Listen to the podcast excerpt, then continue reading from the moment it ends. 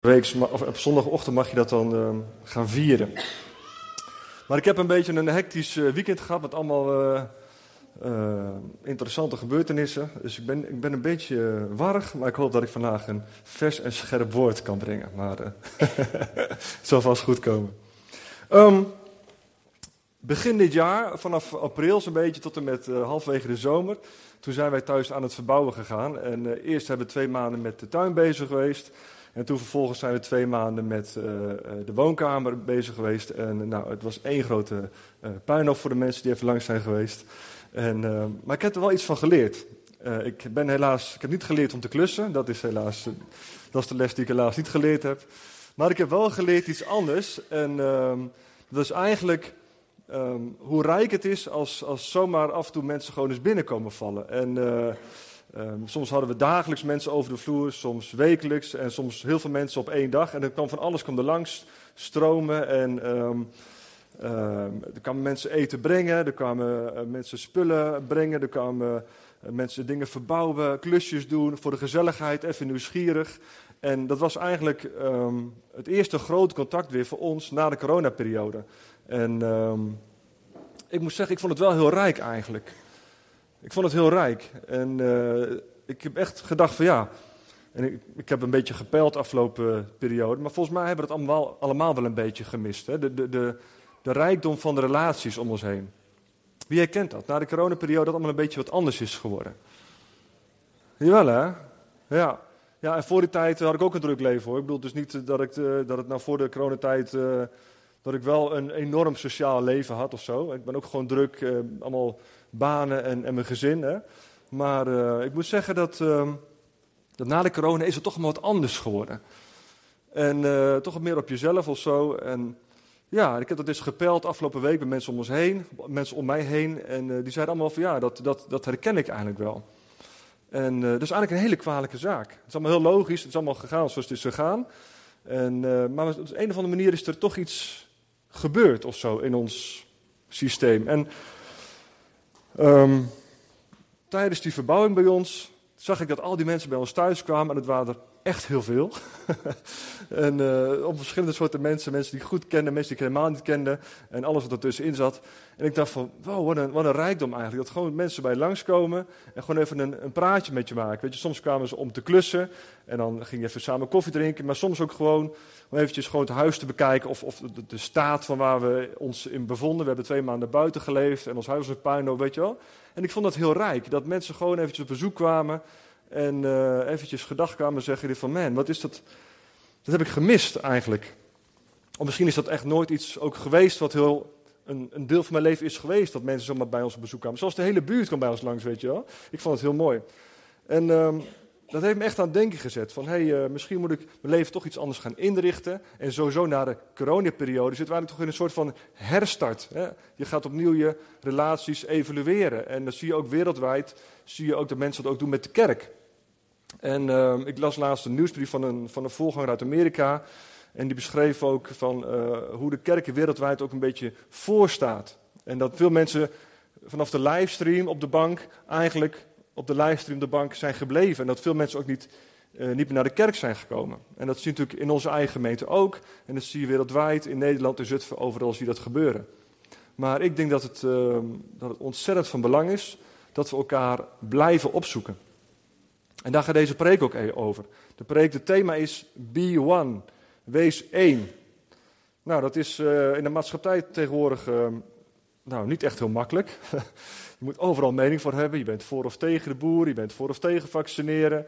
Nou, uh, noem het maar op. Er zijn genoeg onderwerpen waar je met elkaar over in de klins kunt gaan liggen, toch?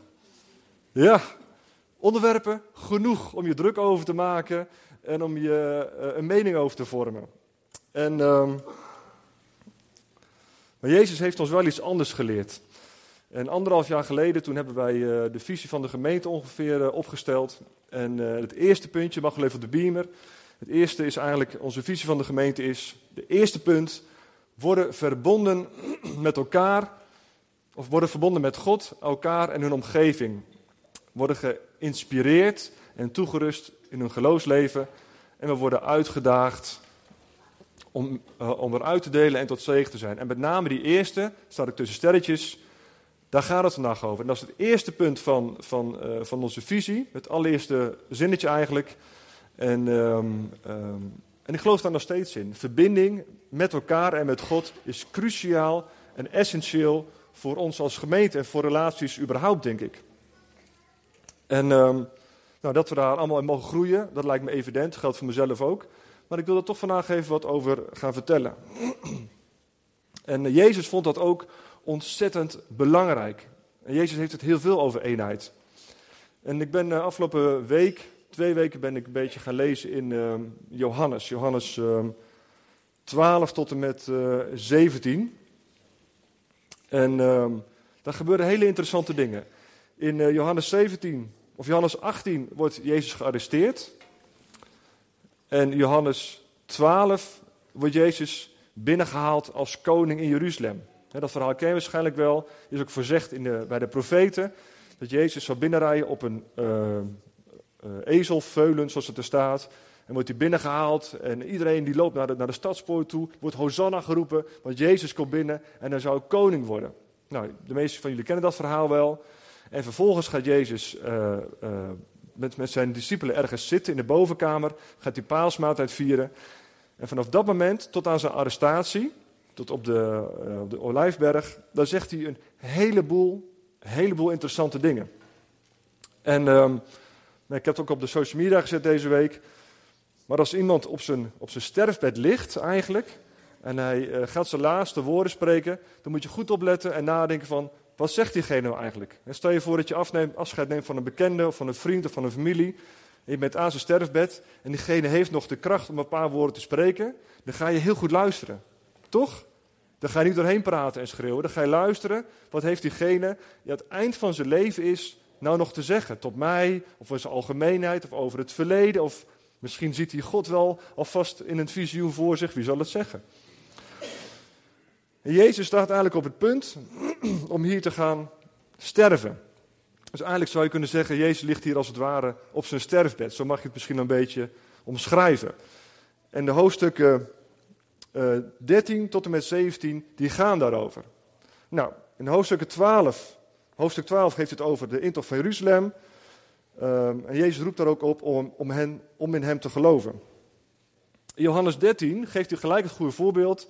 Johannes 13 begint hij met de voetwassing. Dus hij is met zijn discipelen samen. En dan laat gelijk zien hoe het moet. Wees tenminste en ga de voeten wassen van de mensen om je heen. Nou, dat is een hele goede les, denk ik. Daar alleen zou je een hele grote preek over kunnen houden. Vervolgens gaat Jezus Judas waarschuwen.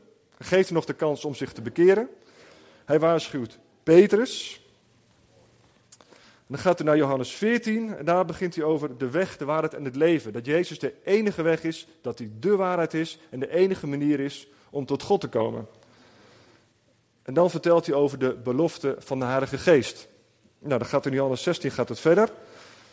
Dan begint hij te spreken over de wijnstok, dat hij de ware wijnstok is. Dat iedereen die op hem geënt is, geënt is op de Vader. Dat je dus ook vrucht gaat dragen, dat je ook gesnoeid wordt om vrucht te dragen. Nou, dan vertelt hij ook nog, dan waarschuwt hij ook, dat mensen die in Jezus zullen geloven, uh, hetzelfde zullen ondergaan als Jezus zelf. Dus de mensen hebben Jezus gehaat, ze hebben Jezus vervolgd. Dus dat kunnen wij ook in dit leven verwachten. Nou, hebben wij het hier in Nederland momenteel ontzettend goed. En daar mogen we heel dankbaar voor zijn, denk ik ook. Maar in grote delen van de wereld um, um, is deze tekst, dat Jezus zegt dat mensen zullen haten, heel actueel. En eigenlijk is maar een, deel van de wereld waar wij wonen, is het kleinste deel eigenlijk waar, uh, waar christenen gewoon bij elkaar kunnen komen. En je ziet dat hier de druk ook toeneemt. We worden niet opgepakt of wat dan ook. Maar je voelt de maatschappelijke druk groeit. Maar Jezus zegt er ook gelijk bij, ook Johannes 15, vertelt hij over de komst van de Heilige Geest. Daar, daar besteedt hij een behoorlijk stuk aan. In Johannes 16 gaat het verder. Nou, en dan komt hij eigenlijk bij Johannes 17. En dan gaat. Um, Jezus gaat daar bidden. En dan ben ik even dat stukje kwijt. Ik weet niet hoe dat kan. Nou, misschien mag hij even de beamer, uh, Ralf. Uh, Johannes 17, vers 20 tot 25 volgens mij. Jezus gaat daar bidden. In de oude vertalingen staat daar het hoge priestelijke gebed. Dus Jezus heeft al die dingen gezegd die hij ontzettend van belang wordt, vindt. Dan gaat hij bidden. En vervolgens gaat hij op weg met zijn discipelen en dan wordt hij gearresteerd. En moet kijken wat hij daar allemaal in zegt. Vanaf vers 20. Ik bid, ik bid niet alleen voor hen, maar voor allen die door hun verkondiging in mij geloven. Laat hen allen één zijn, Vader, zoals u ook in mij bent en ik in u. Laat hen zo ook in ons zijn, omdat de wereld gelooft dat u mij gezonden hebt. Ik heb hen laten delen in de grootheid die u mij gegeven hebt, opdat zij één zijn zoals wij. Ik in hen en u in mij. Dan zullen zij volkomen één zijn en zal de wereld begrijpen dat u mij hebt gezonden en dat u hen lief gehad heeft zoals u mij lief had. Vader, u hebt hen aan mij geschonken. Laat hen dan zijn waar ik ben. Dan zullen zij de grootheid zien die u mij gegeven hebt, omdat u mij al lief had. Voordat de wereld gegrondvest, gegrondvest werd. Rechtvaardige Vader, die de wereld, de wereld kent u niet, maar ik ken u en ze weten dat u mij hebt gezonden. Nou, in dit kleine stukje, het gebed is nog veel langer, kan je thuis nog gerust even nalezen als je wil. In dit stukje gaat het echt over één zijn. Één zijn met elkaar, één zijn met Jezus, want Jezus is één in de Vader. Dus wij mogen één zijn in Hem. En zo zijn we één met elkaar. En Jezus, dat is het laatste gebed wat Jezus eigenlijk bidt voordat hij opgepakt wordt. En waar gaat het over? Eenheid. Alleen maar over eenheid. Eenheid dit, eenheid dat, eenheid zus, eenheid zo. En het is. Jezus vindt dat dus zo belangrijk dat hij dus niet één keer zegt, maar volgens mij in dit stukje alleen al stukken vier, vijf keer. Ik heb het even geteld van de week, ik weet niet precies meer. Maar volgens mij het laatste hoofdstuk heeft het een stuk of zeven, acht keer over eenheid. Nou, als iemand op zijn sterfbed ligt en hij zegt één keer iets, dan moet je al goed opletten, toch? Maar als iemand op zijn sterfbed ligt en hij zegt het vijf, zes, zeven, acht keer, dan moet er een lampje gaan branden, denk ik. En niet een klein lampje, maar een hele grote TL-buis. Nou, helaas, als we kijken naar de wereldgeschiedenis, um, zijn dingen toch anders gelopen. Ik geloof dat Nederland het land is ook met, um, met de meeste verschillende kerken. Dus volgens mij geen land ter wereld waar zoveel verschillende kerken en denominaties zijn. Dat is natuurlijk heel erg. En dat is ook precies waar Jezus ook voor bad, van Heer, laat ze toch één zijn. Kijk wat we ervan gemaakt hebben. Maar het is nog steeds Jezus' gebed dat we één zullen zijn in de gemeente. Nou, en um, ik zal even twee verhalen vertellen over hoe een eenheid er wel moet uitkomen te zien en hoe een eenheid er niet uit moet komen te zien. Ik begin met niet. En dat is een, een beetje een persoonlijk verhaal. Ik heb, uh, voor de mensen, ja, de meeste mensen weten wel, denk ik, ik heb natuurlijk bij Defensie gezeten, tien jaar. En ik ben drie keer uh, op uitzending geweest. En de laatste keer uh, was naar Irak in 2004, 2005. En de keer ervoor, mijn eerste uitzending was naar Albanië, heb ik drie maanden gezeten. Toen hadden de, uh, de NAVO had toen oorlog met, met de Serven. En de Albanese die speelden daar natuurlijk een opmerkelijk verhaal in. En, dus ik ben er naartoe uitgezonden en het was, en het was echt een top, top uitzending. Als, als, als missie bekeken, zeg maar. Want we waren echt een, een eenheid. Waren. We, gingen als een, we waren een eenheid in Nederland. En werden gewoon één op één werden we overgezet naar Albanië. En uh, naar Kosovo eigenlijk. Nee, Albanië was de eerste keer. En we functioneerden daar echt als een eenheid. Er was daar ook helemaal niks. We kwamen er aan op een hele grote betonnen plaat. Er was daar niks. We moesten onze eigen wc moesten nog maken. We hadden van die, van die, uh, heet het nou? Van die palletboxen hadden we gemaakt. We hadden een doos hadden we opengesneden, een zak erin. Dat was ons toilet. hey, maar wij waren er trots op, want wij hadden dat toilet gemaakt. En alles wat daar was, hadden we zelf gemaakt. We waren echt een eenheid. En we waren vrienden van elkaar, we waren broers. En we kenden elkaar al heel lang. En dat werkte gewoon heel goed. We hadden een duidelijke missie, we hadden een duidelijke opdracht. En we functioneerden gewoon goed. De tweede keer werd het al ietsjes minder. Toen uh, gingen we een half jaar later gingen we naar Kosovo toe. Um, wat in Albanië begonnen was, werd eigenlijk had een, soort van opvolging in uh, Kosovo. En daar begon het al wat te rammelen. Want er waren mensen van diverse eenheden werden bij elkaar gezet. En de een vond dit, en de ander vond dat. En de ander had hier ervaring in, de ander had daar ervaring in. Dus het begon al een beetje wat uh, te schuren hier en daar. Nou, maar op zich een prima uitzending. Maar de laatste uitzending was echt wel een beetje een, uh, een, uh, een drama. En ik kijk ook niet goed uh, op terug om meerdere redenen. Um, ik, ik, had op zich ik had een, ik had een goede functie daar, ik, ik stond goed bekend. En, um, En er was een kapitein die had mij gezien daar. En die vond dat ik eigenlijk wel leiding zou moeten geven aan de groep die naar Irak zou gaan vertrekken. Nou, ik vond dat natuurlijk wel leuk. Nou, dit wordt toch gevraagd voor iets toch leuk, toch, als je ergens voor gevraagd wordt. Dus ik kwam in die groep. En, en die groep bestond uit diverse subgroepjes. Er was één groep die elkaar al heel lang en goed kende. Die werkte heel goed samen. Was een groep van hele nieuwe mensen, echt van, van ja, groentjes waren dat, die waren heel onervaren, waren heel nieuw, ook een stuk jonger dan wij. En die, uh, ja, die zat een beetje naar ons op te kijken van, uh, nou dat zijn echt de grote gasten die het weten. En wij wisten het ook wel, vonden we zelf. En dat, en dat was ik. Ik kwam van extern, werd ik uh, in die eenheid geplaatst, moest ik leiding geven. maar ik had dezelfde rang als, als de mensen die in die eenheid zaten. Dus dat was voor hun een beetje zuur, want eigenlijk vonden ze wel, dat zij ook konden doen wat ik kon. Dus was, er zat wat wrijving. En uh, vervolgens toen uh, um, werd ik ingewerkt door, um, door hele fanatieke infanteristen.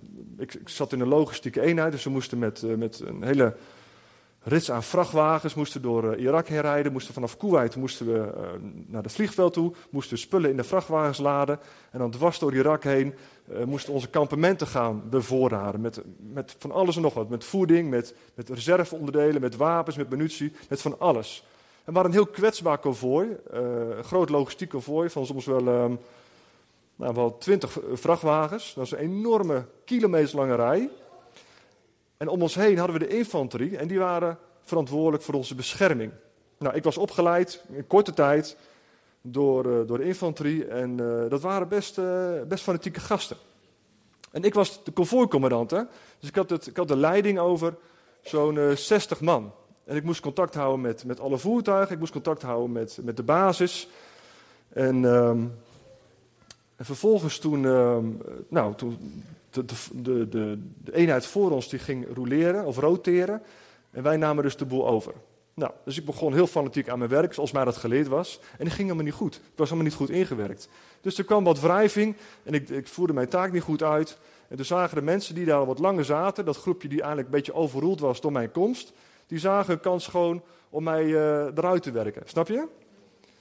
En dat, dat begon heel vervelend te worden. En op een gegeven moment ben ik in een andere functie kreeg ik daar. En ik, mocht wat meer op de bus gaan rijden. Ik mocht ook af en toe uh, alleen naar Kuwait toe. Dan stuurden ze me alleen de grens over. Op zich best cool, maar kan het je afraden. Om alleen op pad te gaan daar. En, uh, en er begon echt wat wrijvend te komen. Dat oude groepje wat daar zat, begon mij eruit te werken. En die, nieuwe gasten die, die er waren, begon wrijvend te komen. En, uh, en er begon echt een beetje rivaliteit en wat, wat nijd en wat gedoe onderling te komen. Wat uiteindelijk het, het hoogtepunt was, dat, uh, of eigenlijk twee hoogtepunten, of ja, eigenlijk dieptepunten denk ik wel, is uh, op een gegeven moment toen was ik bezig om, om, onderhoud te doen aan aan die, vrachtwagens. Heb je aan de voorkant heb je zo'n enorm groot takkenrek, zoals dat heet. Dat is om de takken en, en dingen tegen te houden. En ik, en ik, trok dat naar me toe.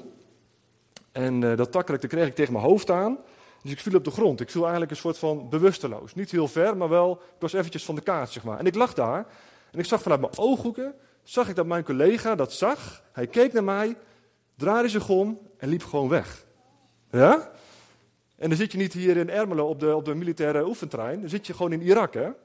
En je collega van je eigen groep, die ziet jou, draait zich om en peert hem gewoon. het punt was, hij zag niet wat er gebeurd was. Hij, alleen, hij zag alleen dat, dat ik daar lag. Nou, je kan me iets voorstellen, dat doet iets met een groep, toch? Dat doet ze met mij, dat doet ze met de groep. Dus ik was natuurlijk woest dat hij maar gewoon zo liet liggen. En zijn reactie was zo, ja, ja, ja, ja, weet je wel. Ook geen berouw of spijt. Of, uh, dat vond ik prima. Nou, vervolgens raakte ik, um, um, ik, ik, had, ik had toevallig had ik het exact hetzelfde fototoestel als een, als een collega van mij. Precies dezelfde. En die van hem was kwijtgeraakt. Vervolgens was die van mij ook in één keer kwijt. En hij had er weer eentje. Ja? Ja, hij had hem teruggevonden. Ergens. Nou, ik, ik geloof er volgende meter, ook vanwege mijn uh, voorgaande ervaringen. Van ja, het zal wel. Uh, ik ga jou niet geloven dat jij in één keer toevallig je eigen fotostel hebt teruggevonden. Dus ik heb aangifte gedaan, maar naar Marche C. De Marche C gaat mee op, op uitzending.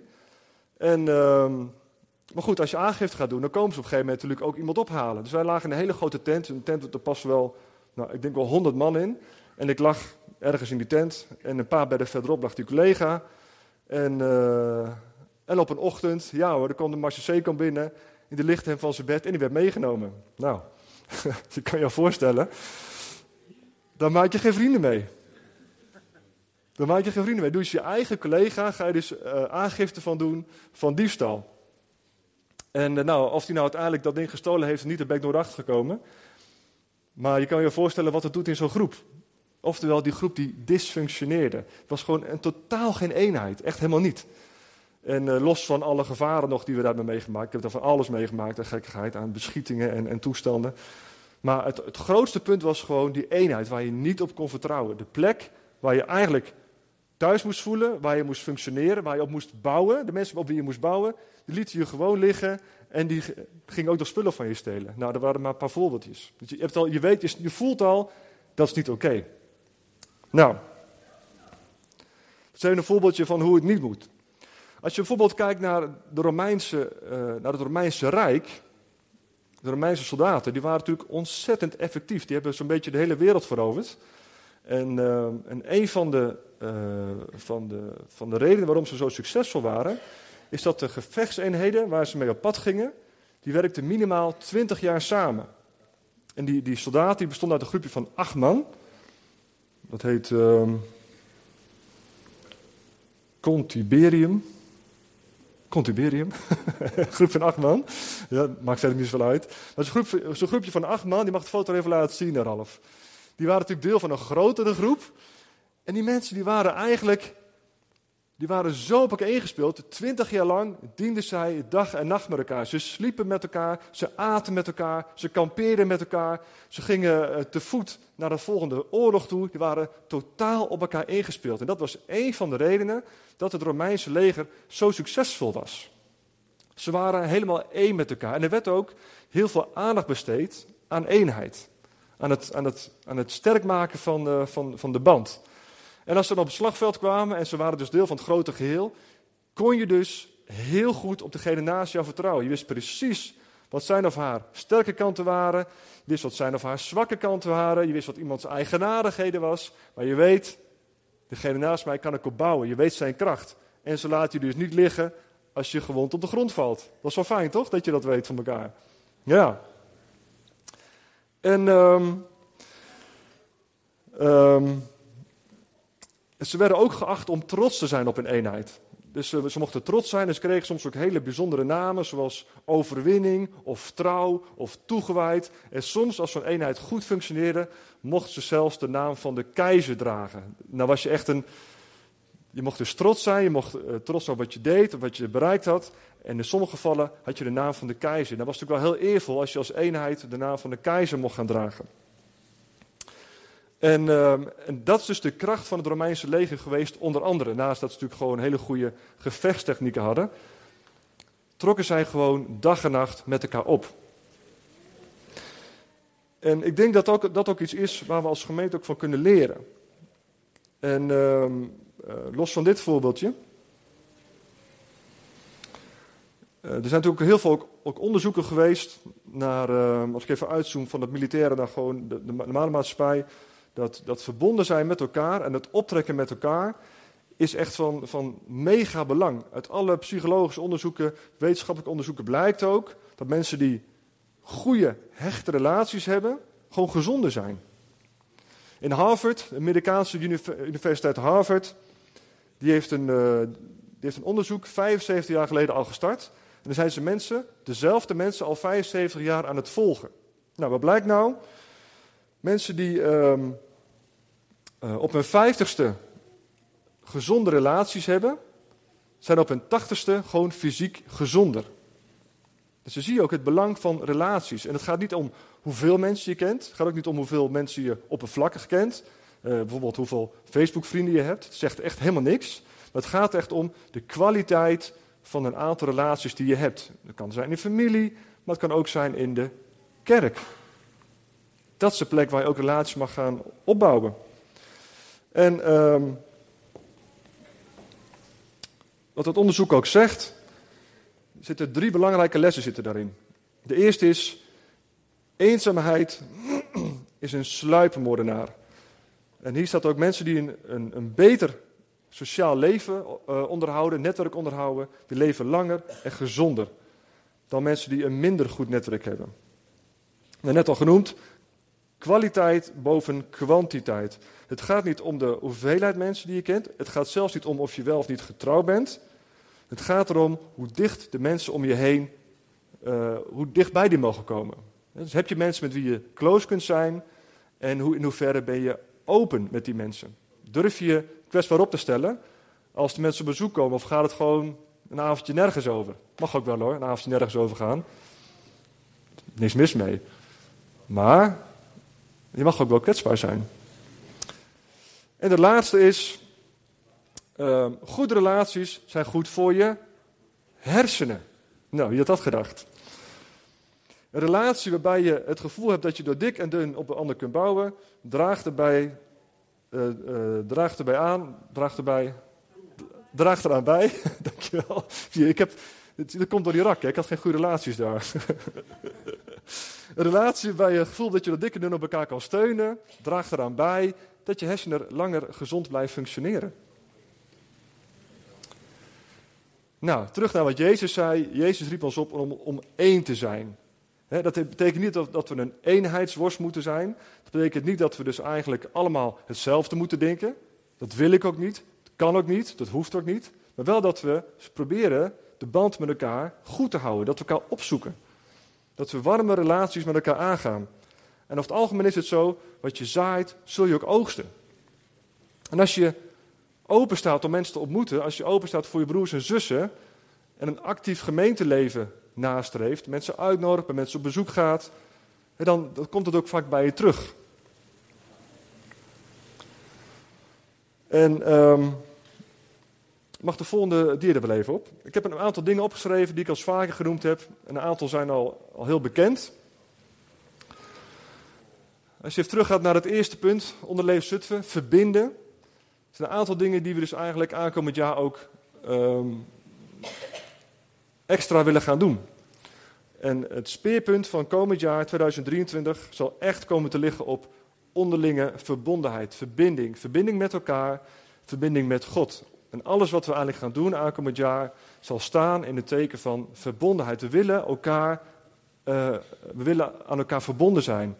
We willen zoveel mogelijk gelegenheden creëren waarop we eigenlijk bij elkaar kunnen komen. Maar dat is niet genoeg. Je moet ook zelf een stapje zetten. Bij mensen op bezoek gaan, mensen uitnodigen, elkaar dus opbellen. Echt in relatie komen. Nou, wat we als gemeente gaan doen is in elk geval, we gaan als gemeente vaker samen eten. En uh, dat is gewoon hartstikke praktisch. Je hoeft na, als je thuis komt geen lunch meer te maken. Hartstikke ideaal. Maar ook gewoon lekker gezellig samen eten. En als we dat doen, dan zie je ook vaak dat de tafels gevuld zijn met allemaal lekkere dingen. En dat mensen vanzelf met elkaar in gesprek gaan. En dat is het grote doel ook. Lekker samen eten, gezellig, relatie aangaan. Elkaar zien, bemoedigen. En durf ook kwetsbaar te zijn en weten waar je uh, doorheen gaat. We zijn geen perfecte gemeente. Gaan we ook niet worden. Ehm, in deze gemeente zitten allemaal mensen die allemaal ook een verhaal hebben, gebroken zijn. Iedereen heeft dat. Hè? Maar we mogen struikelend achter Jezus aangaan. We mogen leren om elkaar beter te leren kennen en elkaar te ondersteunen. We mogen ook kwetsbaar zijn als dat op sommige plekken gewoon niet gelukt is of onvoldoende. Dat kan ook gewoon. Elke week gaan we ook bidden. Op elke dinsdagavond is er ook gebed. En dat is ook een, een ik geloof sowieso in de kracht van gebed. Bidden is gewoon cruciaal als christen. Maar het is ook weer een moment waarop je zegt van... hé, hey, we gaan, uh, we gaan, ik ga mijn broers en zussen weer zien. We gaan een uurtje samen bidden. En je kan eventjes elkaar weer zien, even hukken, even horen hoe het gaat. Weet je, als elke dinsdagavond van 8 tot 9 bij uh, meester bij Henk boven de winkel. Nou, zoek elkaar op voor en na de dienst. Spreek nieuwe mensen aan en nodig ze uit. Nou, um, ik weet van een aantal uh, mensen die afgelopen tijd nieuw zijn binnengekomen dat dat. Uh, uh, soms is dat heel goed gegaan. Dat zijn mensen gewoon goed ontvangen. Zijn ze gelijk terechtgekomen in, in een warm bad. En ik weet ook van een aantal mensen ehm, die gewoon wekenlang hier zijn geweest en er niemand zijn aangesproken. Kan eigenlijk niet. Hè? En gelukkig zijn deze mensen gebleven en hebben ze gezegd van nou oké, dat is mij overkomen, maar ik ga me nu inzetten om het anders te doen in de gemeente. Dat is mooi hè? Maar het feit dat er hier dus diverse mensen zijn binnengekomen, langere tijd zonder dat ze aangesproken zijn of uitgenodigd, is eigenlijk gewoon is eigenlijk niet oké. We mogen elkaar ook op wijzen, denk ik. Nou, de mannenavonden. Ehm, volgens mij 3 november weer, hè? Marco? Ja, de mannenavonden bij uh, Nakies thuis.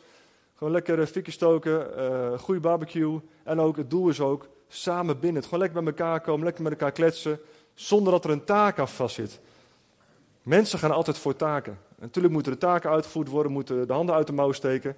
Maar mensen gaan altijd voor taken. En op zo'n avond kun je gewoon even lekker zitten en even lekker kletsen met elkaar. Uh, de vrouwen. Nou, voor de vrouwen is ook best veel geregeld. Onder andere de Old Diamonds, dat doet Negies. En ook voor de dames, ga er ook gewoon naartoe. Volgens mij was het vorige keer hartstikke goed. Er waren best veel dames aanwezig. Een paar weken geleden was het hier volgens mij.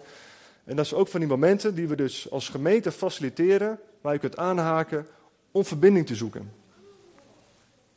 Nou, we gaan eindelijk een registratiesysteem opzetten.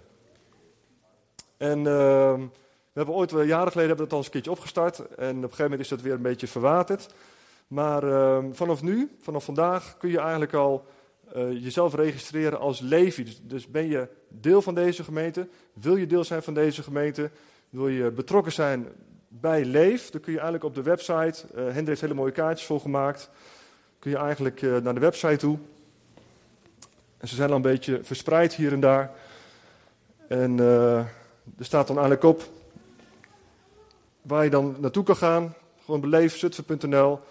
En dan kan je gewoon aangeven, ja, ik wil deel zijn van deze gemeente. Ik wil bijdragen aan deze gemeente. Ik wil me verbonden zijn aan deze gemeente. En dat is eigenlijk voor deze groep mensen die er nou zit, en er mist nog een aantal, is dat uh, eigenlijk denk ik gewoon in lijn met wat we al doen.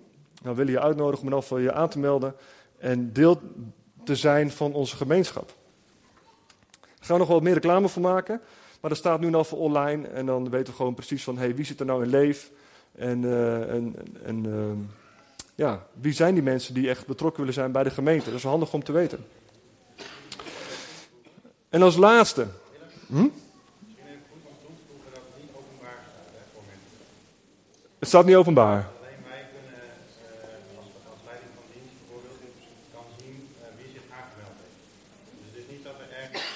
Ja, ja, precies, ja. Ja, en er heeft een goede toevoeging. Je vult dus de velden in. En de, uh, en de velden komen eigenlijk gewoon uh, afgeschermd, komen ze binnen. Er staat niet op een lijst publiekelijk dat je bij Leef bent. Wordt gewoon, uh, in de, via de administratie wordt het gewoon verwerkt. Ja. Nou, als laatste, inventarisatie of we Levi's hulp nodig hebben. Nou, we zitten in een, uh, ja, hoeveel crisis kennen we niet? Stikstofcrisis, woningbouwcrisis, vluchtelingencrisis. Nou, er heel veel crisissen. Maar uh, ook eentje is natuurlijk de inflatie. En de gasprijzen zijn gigantisch omhoog gegaan. En ehm, de boodschappen zijn een stuk duurder geworden. Nou, helaas kunnen we als gemeente niet voor iedereen een gasrekening betalen. Um, er is wel een, een, een initiatief, als je het niet kan, waar je voor je kan aanmelden dat, dat de kerken in combinatie met, met de gemeente wel iets wil doen. Daar kun je ook voor, voor aanmelden, mocht je dat niet weten. Maar als gemeente willen we kijken, zijn er mensen die in onze gemeente, die zich dus aangemeld hebben in dat systeem, die echt hulp nodig hebben. En um, daar zitten we echt te denken aan, aan, als mensen echt tekort hebben aan eten. Dus mensen gewoon niet eens meer eten kunnen kopen. En dan gaan we als gemeente echt kijken van, hé, hey, wat, wat kunnen we doen? Want soms kan de, als je inkomen niet stijgt, maar de prijzen stijgen wel. Ja, op een gegeven moment dan uh, is het simpel rekensommetje. Dan kan er gewoon een gat komen, toch? En we willen echt voorkomen dat mensen um, honger lijden of daarin tekort hebben. Uh, we hebben erover nagedacht van hey, hoe gaan we dat nou aanvliegen. We hebben al een beetje geïnventariseerd. Uh, mocht je dat nou zelf zijn, zeg van ja, ik kom echt niet rond, ik heb echt te weinig om eten te kopen. Kom dan bij mij of bij een van de oudsten. Of als je weet van iemand in de gemeente waarvan je zegt van nou, ik zie of ik weet dat hij het heel moeilijk heeft. Laat het ons weten en dan gaan we kijken of we iets op touw kunnen zetten dat die mensen in elk te eten kunnen hebben. Dat is het minste wat we kunnen doen als gemeente, vind ik in elk geval. Mee eens? Ja, toch? Ja, en wat ik al zei, we hebben niet de middelen om uh, iedereen's gastrekening te betalen, helaas. Want had ik het al lang aan iedereen uitgedeeld. Maar uh, ja, er zijn dingen die we gewoon wel kunnen doen. Als we mensen kunnen helpen met eten of wat dan ook, dan, uh, als het nodig is, dan willen we dat zeker doen. Nou, tot slot de laatste tekst. 1 keer in 12, vers 22. En um, dat, dat vind ik een hele mooie tekst. Want soms dan kun je wel eens denken van, nou ja, misschien ik hoor er wel niet helemaal bij. Of wat heb ik nou in te brengen? Of wat kan ik nou? Ehm, en mensen zien mij niet staan en kijk wat mijn verhaal is. En, en allemaal van dat soort gedachten of gevoelens kunnen tevoorschijn komen. En er staat in 1 Korinther 12 vers 22 staat dus heel moois. De delen die het meest kwetsbaar schijnen, lijken juist het meest nodig te zijn. Ja? Dus als je zegt van, hé, hey, ik ben kwetsbaar, uh, het lukt me allemaal niet zo goed. Kijk mijn verhaal, kijk naar mijzelf. Ben je juist het meest nodig. Dan ben je juist het meest nodig in Gods Koninkrijk. Ben je het meest nodig in deze gemeente. En dan willen we juist dat je erbij komt en dat je je welkom voelt bij ons. En want we zijn allemaal wel eens kwetsbaar, toch? Allemaal. En uh, de ene moment dan zit je op de berg en dan kan je alles aan. En de volgende moment zit je in een dal en alles wat ertussenin zit. Dus de ene keer ben je degene die hulp geeft en de volgende keer ben je degene die hulp ontvangt. We zijn allemaal deel van de kudde en niemand is beter dan de ander. Alleen we zitten soms in een andere uitgangspositie. En uh, daarom wil ik eigenlijk uh, de preek ook uh, afsluiten. En ik hoop dat je nou geïnspireerd bent geraakt om een stap te zetten om de verbinding met elkaar op, op te zoeken. Dat je elkaar opzoekt, dat je naar de plekken gaat, naar momenten gaat waarin we als gemeente bij elkaar kunnen komen. In een groter geheel op zondagochtend, maar ook door de weeks. Nodig mensen uit of, of breng eens bij iemand wat eten langs. Afgelopen tijd zijn we ook gezegend bij mensen die eten hebben langsgebracht. Dat is echt een zegen. We zijn zelfs mee het eten genomen door een paar lieve mensen.